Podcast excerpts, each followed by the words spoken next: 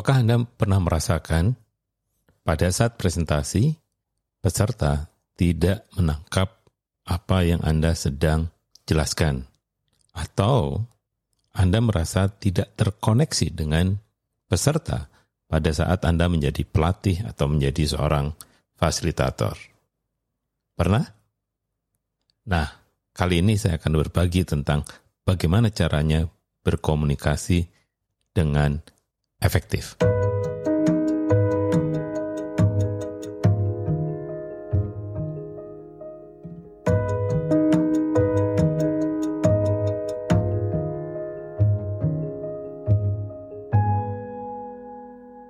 Selamat jumpa kembali pada podcast Ini Koper atau Inspirasi untuk Komunitas Perubahan.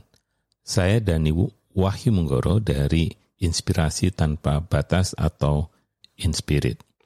Edisi kali ini saya ingin berbagi sedikit tentang bagaimana caranya kita membangun komunikasi yang efektif. Seperti yang kita ketahui, ada 7 C, ya 7 C untuk menjadikan komunikasi kita efektif, baik pada kehidupan personal maupun kehidupan profesional Anda. Apa saja yang tujuh itu?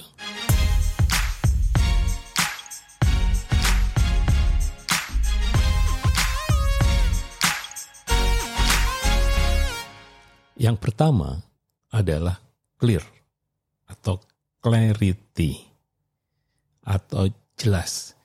Jadi, komunikasi yang efektif dimulai dari pesan yang jelas apa sebenarnya tujuan dari komunikasi Anda. Baik itu untuk presentasi, memimpin rapat, atau menjadi pembicara di dalam sebuah konferensi, kuncinya adalah Anda harus semakin jelas apa sebenarnya tujuan di akhir presentasi atau ceramah Anda. Jadi yang pertama adalah clarity. Nah, yang kedua apa?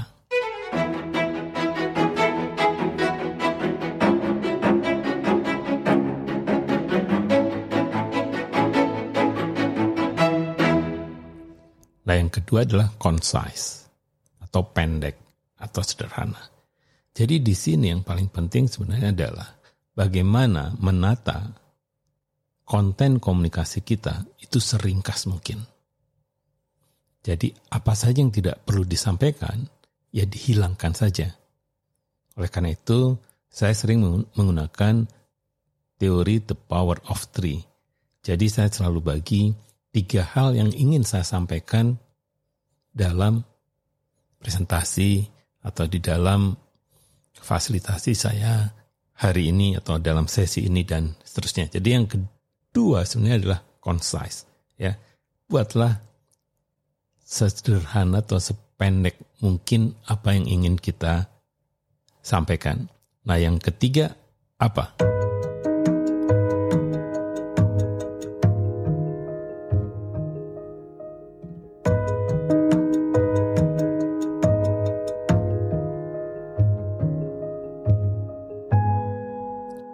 Nah, yang ketiga adalah komunikasi kita harus konkret, harus bisa dilihat, harus bisa dilakukan oleh siapa yang menjadi audiens kita.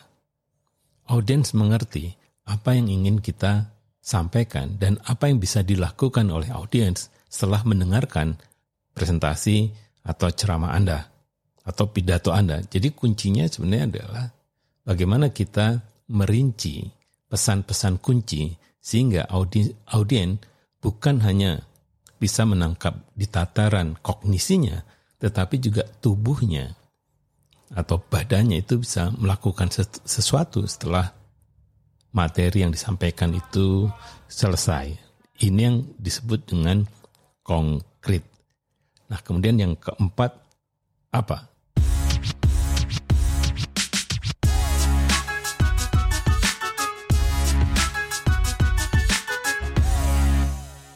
Nah, yang keempat adalah C-nya adalah korek. Maksudnya apa? Di dalam sebuah komunikasi, kita harus sebisa mungkin mengurangi apa yang disebut dengan error. Kesalahan-kesalahan misalnya di dalam pengucapan, kesalahan menggunakan bahasa, kesalahan apa lagi? Teks misalnya dan sebagainya, itu harus sebisa mungkin dihindari. Karena sekali Anda melakukan kesalahan, sebenarnya komunikasi menjadi tidak efektif. Itu yang penting sebenarnya. Tolong periksa apa yang ingin sampaikan.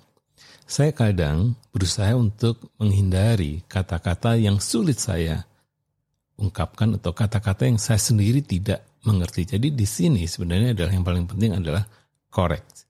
Jadi kita tahu bahwa apa yang ingin kita sampaikan itu benar adanya, baik secara data kuantitatif maupun secara kualitatif. Jadi di sini yang penting adalah upayakan hindari kesalahan-kesalahan yang sifatnya baik konten maupun proses. Di sini kita yang keempat. Nah, yang kelima itu apa dong?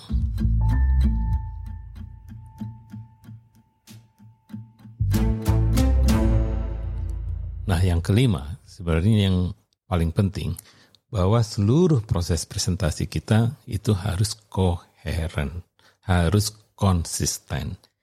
Kita harus berpikir secara desain, ada tujuannya, bukan sekedar dekoratif yang memberikan ilustrasi ala kadarnya. Nah, di sini kita betul-betul harus menyatukan seluruh apa yang ingin kita sampaikan, baik itu yang dilihat oleh peserta maupun apa yang didengarkan oleh peserta itu sifatnya harus konsisten. Misalnya di dalam sebuah presentasi, font misalnya harus sama. Hindari banyak font. Satu atau dua maksimal font yang bisa kita gunakan. Warna slide misalnya. Usahakan warnanya juga sama. Ya, desainnya sama, formatnya sama. Suara misalnya juga harus dibuat sama. Apakah kita untuk anak muda ataukah untuk umum ataukah untuk profesional dan sebagainya itu bagian dari konsistensi yang penting dijaga pada saat melakukan komunikasi.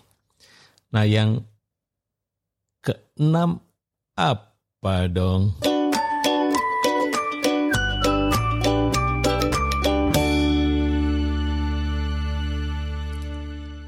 Ya, yang keenam komunikasi yang efektif itu sifatnya komplit.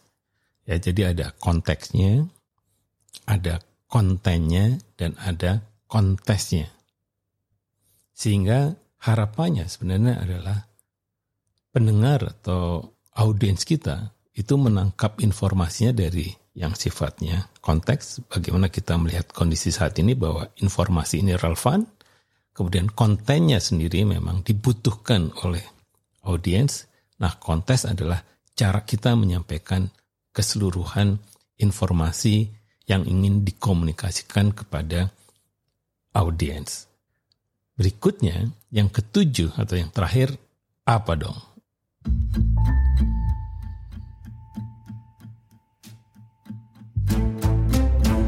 Nah, yang terakhir itu adalah courteous.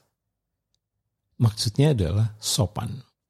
Jadi di dalam sebuah komunikasi yang efektif, kita harus menggunakan memilih kata-kata yang enak didengar, kata-kata yang positif, kata-kata yang memberikan semangat.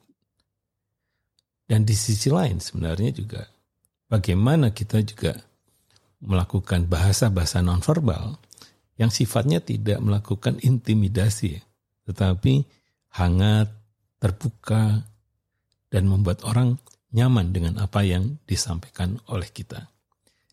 Jadi, ada tujuh C untuk menjadikan komunikasi kita efektif. Yang pertama adalah clarity atau clear, kedua concise, yang ketiga konkret, yang keempat correct, sedangkan yang kelima coherent, sedangkan yang keenam adalah complete, Sedangkan yang ketujuh adalah kardias. Itulah cara kita bisa memastikan bahwa komunikasi kita itu efektif dan yang paling penting adalah to the point, tidak bertele-tele.